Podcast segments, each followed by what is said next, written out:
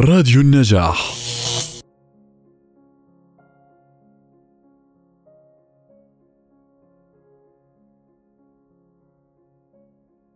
أخونا الأبي الموت. توماس وولف من عام 1900 إلى عام 1938 ولد توماس وولف في أشفيل بولاية نورث كارولانيا لأب حجار وأم تدير فندقا صغيرا. ودرس في جامعة الولاية ثم ذهب إلى جامعة هارفارد لدراسة كتابة المسرحية. وبعدها عمل مدرسا للإنجليزية في جامعة نيويورك. وقد كان طويل القامة جدا أكثر من 192 سنتيمتر. وأولع بالكتابات الطويلة الدافقة التي كانت سيرا ذاتية يحورها ليجعلها في صيغة رواية ظهرت أولى رواياته الطويلة هذه عام 1929 بعنوان انظر صوب الوطن يا ملاك حيث يظهر توماس وولف باسم يوجين جانت وحظيت في الحال بنجاح كبير. وأتبعها عام 1935 برواية عن الزمن والنهر. أما في روايتيه التاليتين فيظهر وولف باسم جورج ويبر وقد نشرت كلتاهما بعد موته المبكر إثر نزلة صدرية حادة وهو في الثامنة والثلاثين.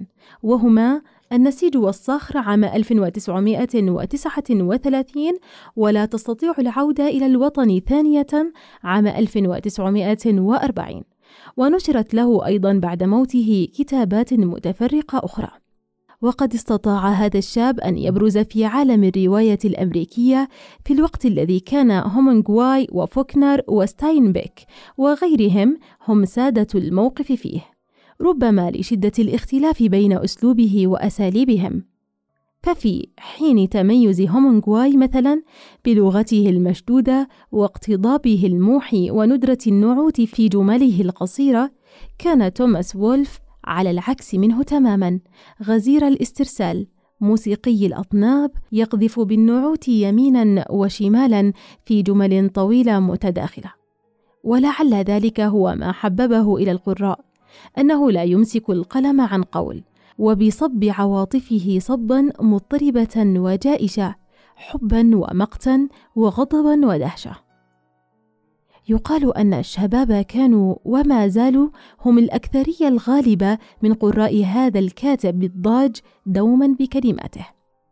ربما لأن موضوعه في معظمه هو متابعة المراهق والشاب في نموهما وصراعهما من أجل النجاح في الحياة والانتماء إلى الأسرة والبحث عن الحب في عالم قاس وحشي الكراهية كثير الشجار ومهدد بالظلام. وهو في كل ما يكتب إضافة إلى ذلك مولع بتصوير الحياة فسيحة ومترامية تراميا واتساع مدن وبراري وجبال الولايات المتحدة التي يباهي بعشقها. وقد بقي رومانسي النزعة يجعل الكثير من فقرات رواياته قصائد نثر تتوالى فيها صيحات الفرح والنشوة وخواطر الألم والموت. ولا يكبح انطلاقاته اللفظية رغم التكرار والإسهاب. فأهم ما لديه في نهاية الأمر هو التعبير عن الذات. ذاته وما يسمى بقصصه القصيرة يصعب وضع الفواصل فيما بينها. كما يصعب عزلها عن سرده الدافق سواء روائيا أو كثيرة ذات ورغم هذا التمركز في الذات يبقى توماس وولف من أبرز كتاب أمريكا شخصية وأسلوبا بسبب من أبعاد رؤيته وحرارة حماساته قد لا نستطيع التفريق بين الشخص فيه وبين الفنان بين الوجه والقناع. ولكن لعل ذلك بالضبط هو السر في تميزه الروائي. أخذت قصة أخونا الأبي الموت من كتاب من الموت حتى الصباح From Death to Morning ويتجسد فيها حتى من خلال الترجمة الكثير مما قلناه هنا في فنه وأسلوبه. أخونا الأبي الموت. وجه الليل قلب الظلام لسان اللهيب. لقد عرفت الأشياء كلها التي تحيا أو تتحرك أو تعمل في مصير الليل. كنت ابن الليل ولدا من أولاد أسرته القوية وعرفت كل ما يتحرك في قلوب الناس الذين يعشقون الليل. رأيتهم في ألف مكان ولم أجد غرابة قط في أي شيء يقولونه أو يفعلونه. أيام طفولتي إذ كنت أعمل كصبي مراسل في جريدة صباحية.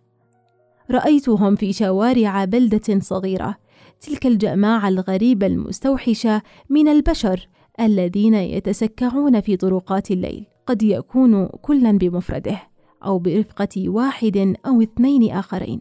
دائما وأبدا في حراسة الهزيع الأوسط من الليل في هذه البلدة الصغيرة أو تلك.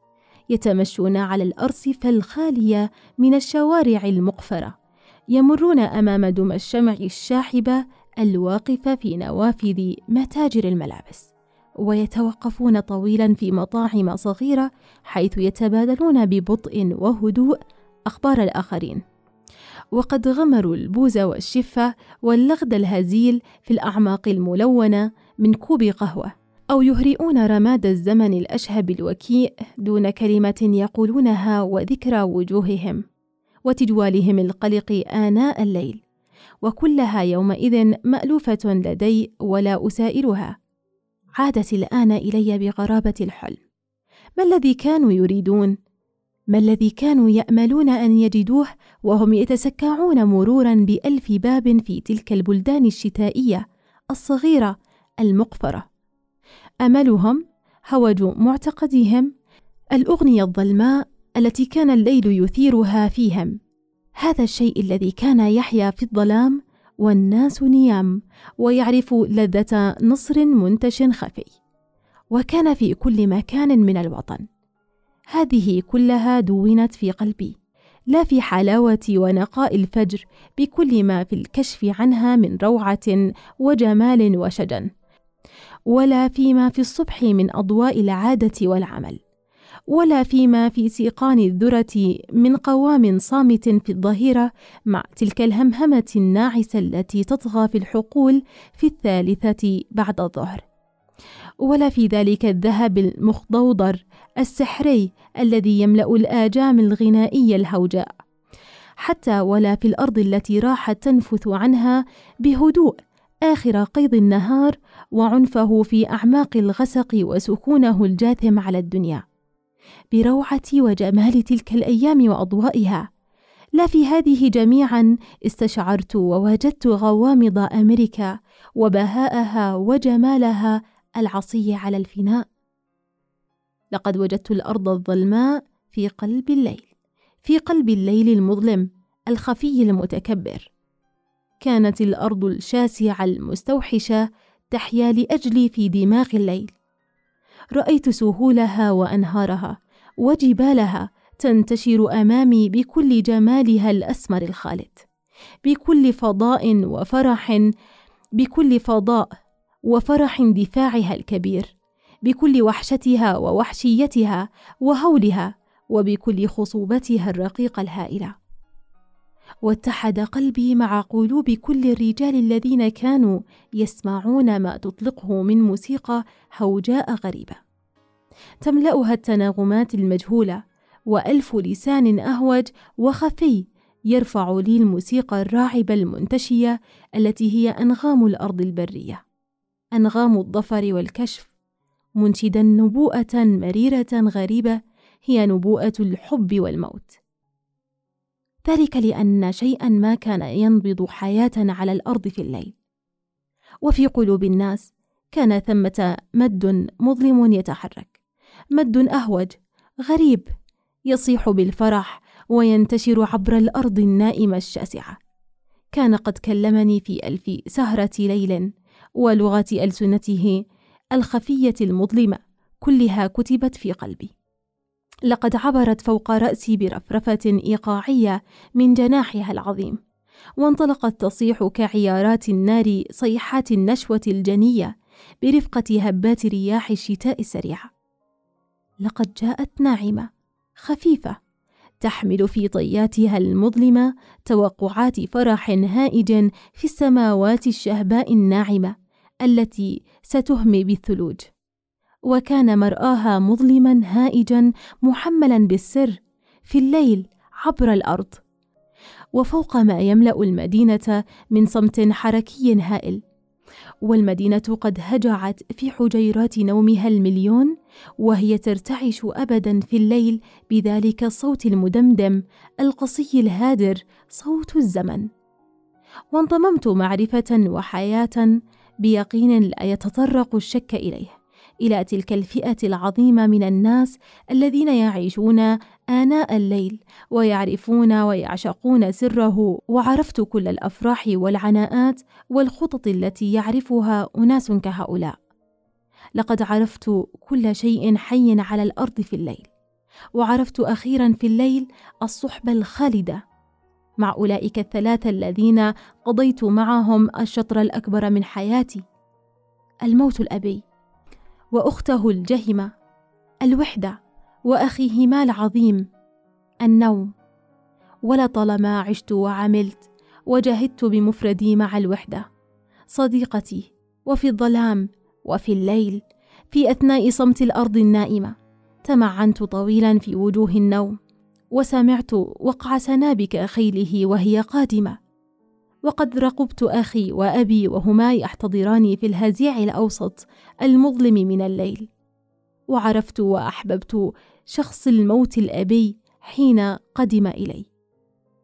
كنت قد رأيت وجه الموت في المدينة ثلاث مرات وكان علي في ذلك الربيع أن أراه مرة أخرى. ذات ليلة ليلة من ليالي الجنون والثمالة والعنف التي عرفتها في تلك السنة. إذ رحت أتجول في شارع الظلمة العظيم من الضوء إلى الضوء من منتصف الليل حتى الصباح. رأيت رجلا يموت في مترو المدينة. لقد مات بهدوء حتى ليصعب على معظمنا الاعتراف في أول الأمر بأنه قد سلم الروح. مات بهدوء بحيث لم يكن موته إلا واقفا فوريا وديعا لحركة الحياة. مسالما وطبيعيا في فعله. فحدقنا جميعا به مفتونين غير مصدقين متبنيين وجه الموت حالا وفينا حس رهيب بأننا كنا دائما نعرفه. ومع ذلك فإننا لشدة خوفنا وحيرتنا نرفض الاعتراف بأنه قد جاء. فرغم أن الموت في كل من المرات الثلاث التي شاهدته فيها في المدينة كان قد جاء مرعبا. عنيفا فإن ذكر الموت في هذه المرة تحمل صفة من الرعب والجلال والفخامة لم أجدها في المرات السابقة. وقعت حادثة الموت الأولى قبل ذلك بأربع سنوات في شهر نيسان من أول سنة قضيتها في المدينة. وقد وقعت عند منعطف أحد الشوارع الكئيبة المزدحمة في الجانب الشرقي الأعلى. وكان في شكل وقوعها صفة من القسوة والمصادفة واللامبالاة أشد رعبا من إيه قسوة مقصودة ومحسوبة. وقد رفعت عقيرتها حالا من خلال الهواء المتألق ومن خلال فرحة الموسم وسحره ماحية كل أمل وبشر في قلوب الناس الذين شاهدوها. كنت سائرا في أحد الشوارع الفرعية الكئيبة في منطقة الجانب الشرقي الأعلى وهو شارع ما زال مليئا بالواجهات المزواه الخشنة التي عرفت بها منازل الحجر الأسمر القديمة وهي منازل كانت في يوم مضى ولا شك بيوت أناس مسرين غير أنها الآن بصدأ وهباب السنين الطويلة. كانت هذه الشوارع تفور بفوضى وعنف حياة أناس سمر الوجوه، سود العيون، غرباء اللسان، يتماوجون جيئة وذهبا. لا يعد عديدهم ولا تعرف أسماءهم. بذلك الدفق الحاشد السيال المترامي الذي تتميز به الدماء والأجناس السمراء. بحيث أن ما تعرفه حيوات الأناس الشماليين من دقة مشدودة وعزلة وتشكيل صارم كشيء مستوحد وصغير يتشبث بذاته على نحو يثير الشفقة والإعجاب معا. يتكسر في الحال إزاء هذه السمرة الطاغية وحشد الأرض البشري الذي لا يحدد عدده ولا سنه ولا سن ولا سنه. وحشد الأرض البشري الذي لا يحدد عدده ولا سنه يتكشف فورا بكل ما فيه من هول لا يسبر غوره. ويسكن أحلام المرء فيما بعد حتى ولو لم يرى إلا بضعة من هذه الوجوه السمراء في الشارع. في الزاوية من هذا الشارع المزدحم حيث يلتقي أحد الشوارع الشعثاء الكبرى التي تخترق المدينة من طرف إلى طرف والتي تعتمها إلى الأبد خطوط القطار العالية بضوضائها ووحشيتها بحيث يبدو الضياء الذي ينغل من خلال شباكها الحديدية الصدئة بل كل ما تحتها من حياة وحركة قاسيا مساقا مهزوما عنيفا محتارا ومشوشا. في زاوية كهذه قتل الرجل. كان رجلا إيطاليا ضئيل الحجم في أواسط عمره. له عربة هزيلة يوقفها على رصيف المنعطف محملة بضروب بائسة من السكائر والحلويات الرخيصة والمشروبات وزجاجة كبيرة دهنة من عصير البرتقال مقلوب عاليها سافلها. تتصل فوهتها بأسطوانة مطعجة من الصفيح الأبيض. وموقد نفطي صغير صفت عليه عدة قدور يطبخ فيها باستمرار النقانق والمعكرونة. وقعت الحادثة في اللحظة التي وصلت فيها إلى الزاوية المقابلة لعربة هذا الرجل. كانت حركة المرور تهدر شمالا وجنوبا تحت الخطوط العالية. جاءت شاحنة مغلقة ضخمة من ذلك النوع القوي الأخرق الأشبه بالقاطرة والذي يبدو كأنه يريد ابتلاع السيارات الصغرى التي حوله ويملأ الشارع بعرضه حتى ليدهش المرء لبراعة ودقة السائق في تسيير الشاحنة. جاءت هادرة تحت الخطوط العالية وانعطفت واستدارت محاولة أن تسبق شاحنة أصغر منها بكثير. وإذ فعلت ذلك أصابت الشاحنة الصغرى بضربة جانبية حطمتها في الحال وقذفت بها إلى الناحية الأخرى من المنعطف لتضرب عربة البائع الجوال بقوة هائلة كسرتها شظايا وانقلبت فوقها لتحط على ركام من الزجاج المهشم والحديد الملتوي. وشاءت معجزة الحظ ألا يصاب سائق هذه الشاحنة الصغرى بأذى. غير أن البائع الإيطالي المسكين انسحق حتى بات لا يعرف شكله. وحين انقلبت الشاحنة عليه انفجر الدم المتألق من رأسه على الفور كالنبع بحيث لا يكاد المرء يصدق أن رجلا بضآلته يملك ينابيع كهذه من الدم المتألق في جسده. ولفظ أنفاسه الأخيرة هناك على الرصيف بعد دقائق معدودات قبل أن تصله سيارة الإسعاف. وتجمهر حوله في الحال حشد كبير من الأناس سمر الوجوه وهم يتصايحون وبسرعة ظهر رجال الشرطة بأعداد مذهلة وشرعوا يشقون طريقهم بوحشية بين الناس المثارين. يشتمونهم ويضربونهم ويهددونهم بعصيهم ويصرخون فيهم بغلظة. تفرقوا هيا تفرقوا تحركوا كل في سبيله. وزمجر أحدهم فجأة قائلا إلى أين أنت رائح؟ وأمسك رجلا بمؤخر سترته ورفعه وقذف به بين الجمهور كأنه قطعة من الغائط. تفرقوا تفرقوا هيا هيا يا أناس تحركوا. وفي هذه الأثناء حمل رجال الشرطه الرجل المحتضر عبر المنعطف ووضعوه على الرصيف وضربوا حوله نطاقا إزاء الحشد المندفع نحوهم. وبعد ذلك وصلت سيارة الإسعاف بجلجلة أجراسها المريعة ولكن الرجل كان قد مات.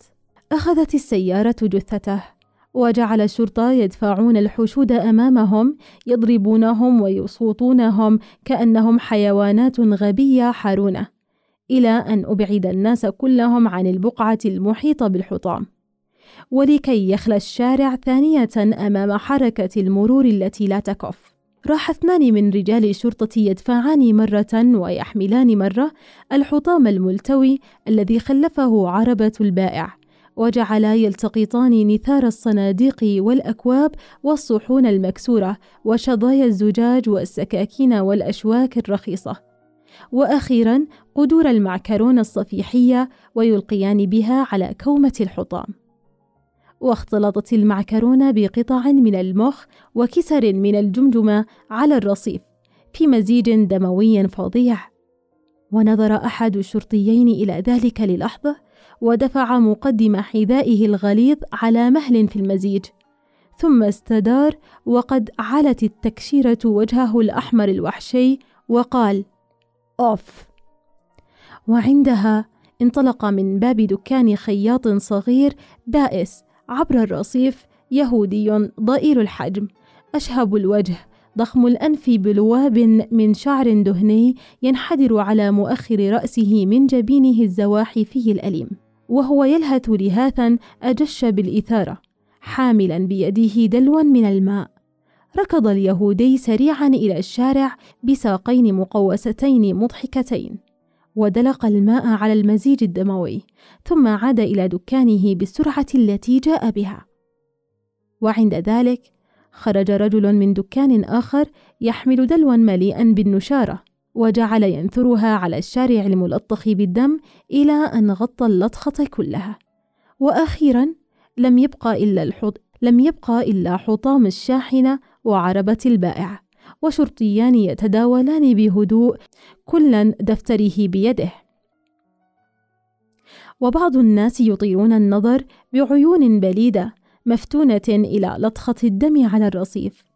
وجماعات صغيرة من الناس واقفة في الزوايا والكل يتحدثون بأصوات خافتة مثارة يقولون طبعا رأيت الحادثة رأيتها بعيني إي والله كنت أحدث نفسي قبل وقوعها بدقيقتين ثم رأيت الحادثة كلها كنت واقفا هناك على بعد عشر أقدام من المكان الذي ضربته فيه الشاحنة.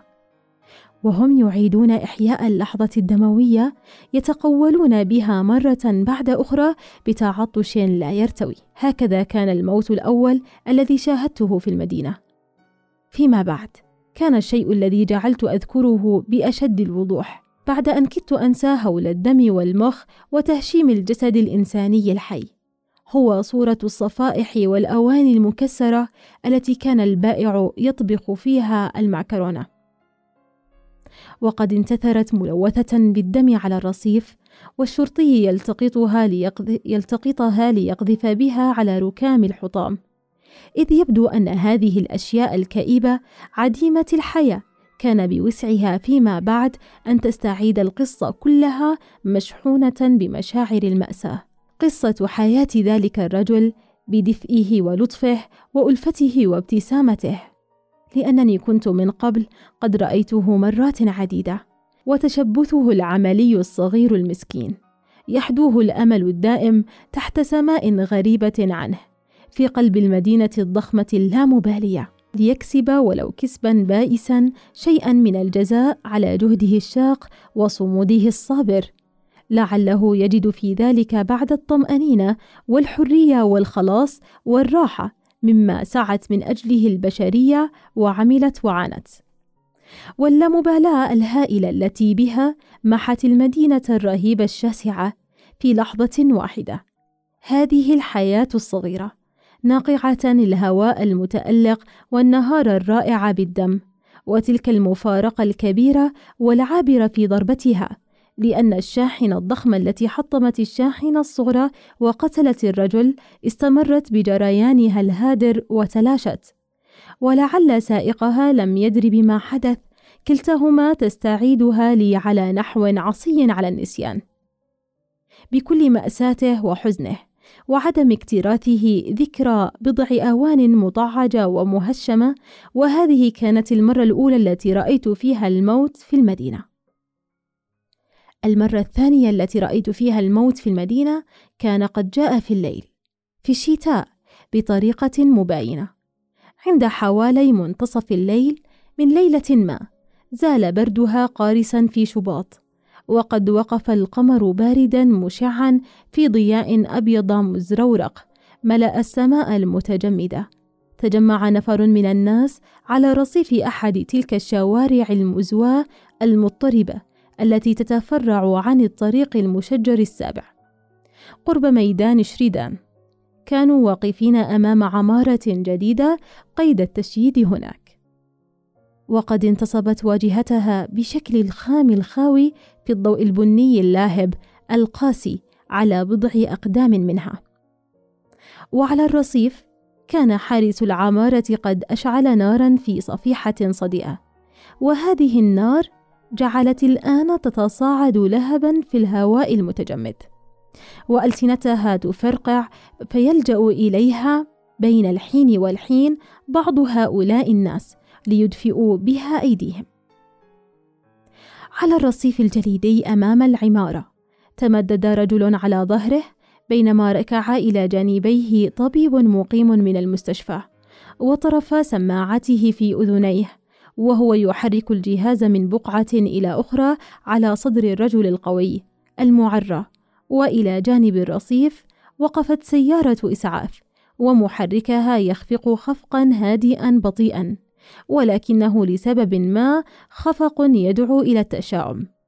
كان الرجل الممدد على الرصيف في حدود الأربعين وله جسم ثقيل عشوائي التركيب ووجه وحشي قوي وكلاهما يدل على أنه صعلوك محترف ويبدو أن ذلك الوجه بصفحته الندباء المرضوضة وحشية أو ضراوة من طقس أو مهانة جسدية إلا وتركت بصمتها الحديدية عليه. خلال السنوات التي قضاها الشريد متسكعا علوا وسفلا عبر الأمة والوطن. وما زال في تقاطيع الرجل ضرب من الوحشية الملحمية كتبت بها أسطورة تتحدث عن السماوات الموحشة والمسافات المريعة عن العجلات الطارقة والسكك المشعة عن الصدأ والحديد والعراك الدموي وعن البراري الشرسة التي عرفها هذا الرجل. كان ملقا على ظهره ساكنا صلدا كالصخر مغمض العينين وتقاطيعه القوية الوحشية مندفعة إلى الأعلى في وضع صلابة الموت وجموده. ولكنه كان ما يزال حيا وقد تهشم جانب من رأسه عند الصدغ. إنه جرح فاغر مرعب أصيب به عندما ضل طريقه مخمورا وشبه معمي بما شرب من كحول رخيص أو دخان إلى داخل العمارة. فسقط على وجهه على كومة من قضبان الحديد هشم أحدها جانبا من رأسه.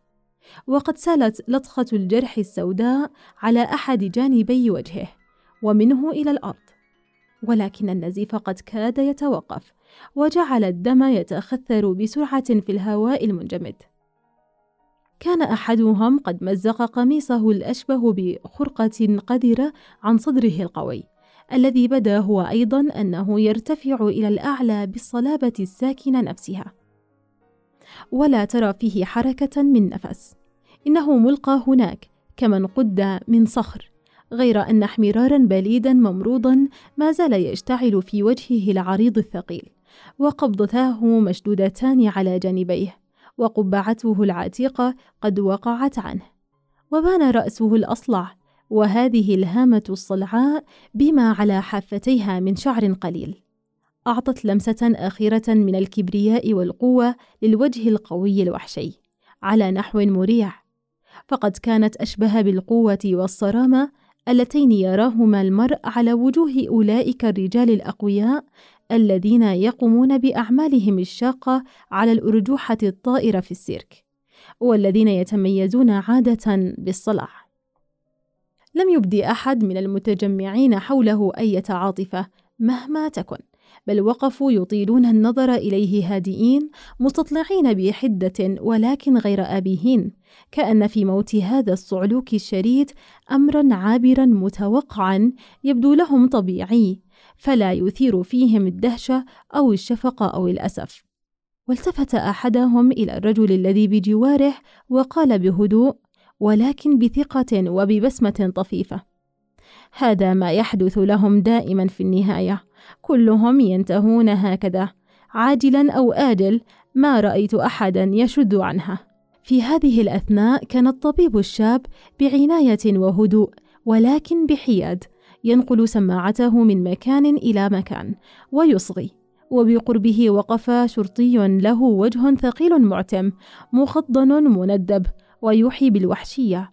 وهو يجير بصره في المشهد مؤرجحا عصاه المعلقة بمعصمه ويجتر كمية من اللبان على مهل.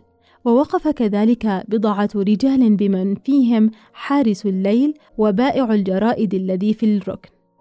ينظرون بسكون. وأخيرا كان هناك شاب وفتاة. كلاهما حسن الهندام وفي كلامهم وطريقتهم عنصر من الوقاحة والعري والقبح. يميزهما بأنهما أعلى طبقة من الآخرين بالثقافة وبالمال وبالمركز فلعلهما من طلبة الجامعة أو شباب المدينة أو أهل القرية البوهيمية أو جماعة الفن أو الكتابة أو المسرح أو الجيل الحديث. جيل ما بعد الحرب. كانا ينظران إلى الرجل بفضول من يرقب حيوانا يحتضر ولكن بشفقة أقل. ويضحكان ويهذران وينكتان معا بانعدام حقير للذوق على نحو بغيض.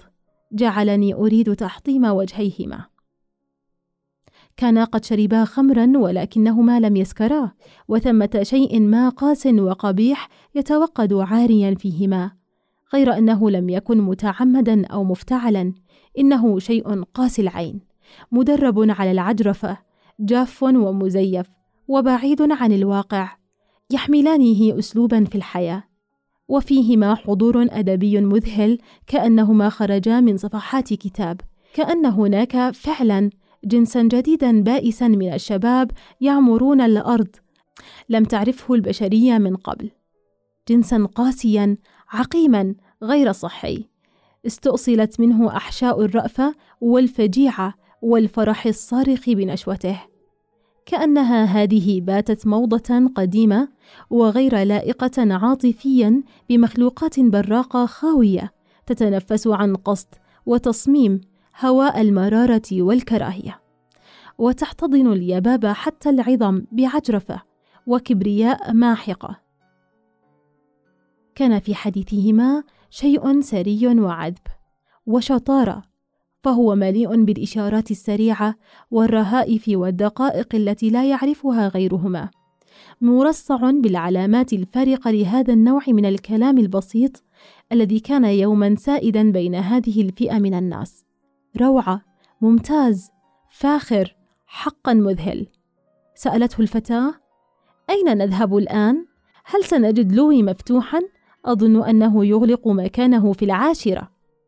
كانت الفتاة لطيفة الوجه ولها قوام جيد، ولكن وجهها كجسمها لا اكتناز فيه ولا استدارة، فهي جسدا وقلبا وروحا لا نضج فيها. إنها ضامرة النهد بارزة الفك جافة عاقر. قال الشاب: إذا وجدنا مكان لوي مغلقا ذهبنا إلى جاره ستيفنز فهو يبقى مفتوحا طيلة الليل وجهه أسمر وقح وعيناه رطبتان وفمه طري ضعيف مدلل متعجرف فاسد. وإذا ما ضحك كان لصوته غرغره ناعمه متصاعده رخوة شامتة واثقة من حقدها. فهتفت الفتاة بنبرتها العارية آه روعة أود لو نذهب هناك فلنقم حفلة أخرى. من ندعو للذهاب معنا؟ أتعتقد أن بوب وماري سيكونان في البيت؟ أجاب الشاب ببراءة بارعة قد يكون بوب في البيت أما ماري فالأرجح أننا لن نجدها هناك وهتفت الفتاة ثانية غير مصدقة عجيب أتقصد أنها؟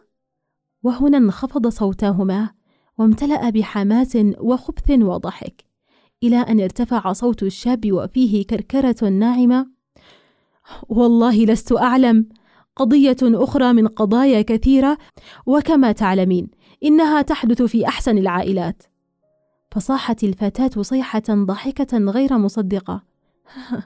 لا أنت تعلم أنها لم تفعل ذلك. وبعد كل الذي قالته عنه رائع مذهل ليتني أرى وجه بوب عندما يكتشف الأمر. واستضحكا لحظة وتهامسا عن معرفة. وبعدها صاحت الفتاة مرة أخرى صيحة الضحك وعدم التصديق. صحيح؟ غير معقول. مذهل. ثم أضافت بسرعة نافذة الصبر. إذا من ندعو للذهاب معنا؟ من غيرهما؟ أجاب الشاب. لا أدري. الساعة متأخرة الآن. لا أدري من نستطيع أن نقنع بالذهاب. إلا إذا. وهنا بدأ فمه الأسمر الرخو بالابتسام. وبرزت كركرة الضحك في حنجرته وهو يؤشر برأسه باتجاه الرجل الملقى على الأرض. إلا إذا طلبت من صاحبنا هذا أن يرافقنا. فصاحت بضحكة صغيرة مرحة هي ممتاز! ثم حدقت بجد للحظة في الجسد الهامد على الرصيف. لكان شيئا رائعا لو استطعنا أن نجعل رجلا مثله يصحبنا. يا ليت! قال الشاب غير محدد معناه والله. وبعد ذلك إذ ركز النظر في الرجل تصاعد سيل ضحكه ثم قال لفتاتي بخبث ونعومة يؤسفني أن أخيب أملك. لا أظن أن بوسعنا أن نستصحب صديقنا هنا. يبدو أن رأسه لن يكون على ما يرام في الصباح.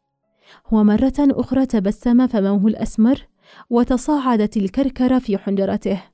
وإذا الفتاة تزعق زعقة صغيرة وهي تقول كفى! ثم أردفت توبخ ألا تستحي من نفسك؟ إنه حلو وطيب وفي رأيي أن نأخذ رجلا مثله معنا أمر رائع جدا فهو يبدو لي شخصا ممتازا. واستمرت وهي تطيل النظر إلى الرجل بفضول إنه حقا ممتاز. قال الشاب والله أنت أدرى كان رائعا يوما ما. وكررت حنورته الثرية الناعمة وأضاف هيا! الأفضل أن نذهب. يخيل إلي أنك تحاولين أن تغازليه. واستمر كلاهما في الضحك والحديث بصوت فتي عار متعجرف وانصرفا. وبعد قليل نهض الطبيب وأخرج طرفي السماعة من أذنيه وخاطب الشرطي ببضع كلمات هادئة موضوعية. فدون الشرطي شيئا في دفتره الصغير. وخط الطبيب نحو حافة الرصيف وصعد إلى سيارة الإسعاف من بابها الخلفي. وجلس على المقعد مادا قدميه على المقعد المقابل وقال للسائق طيب ما بك؟ فلنذهب. وتحركت السيارة رويدا واستدارت ببطء حول الزاوية وأجراسها تجلجل وابتعدت. ثم طوى الشرطي دفتره ودفعه في جيبه والتفت فجأة إلينا. وقد بدا التعب على وجهه الليلي المعتم الثقيل ومد ذراعيه وراح يدفعنا جميعا إلى الوراء برفق. وهو يقول بنبرة صبور مرهقة يلا يا قوم تحركوا ابتعدوا انتهت القضية. أطعنا أمره المتعب السمح وتحركنا وابتعدنا. وفي أثناء ذلك بقي الميت ملقا على ظهره صلدا كالصخر ووجهه الوحشي الرائع وجه القوة والتحمل والصمود مندفع إلى الأعلى جامدا معرى بسكون رهيب وهيبة جليلة يشابه القمر البارد المشع. وكانت تلك المرة الثانية التي أرى فيها الموت في المدينة. أما المرة الثالثة فلها حديث آخر.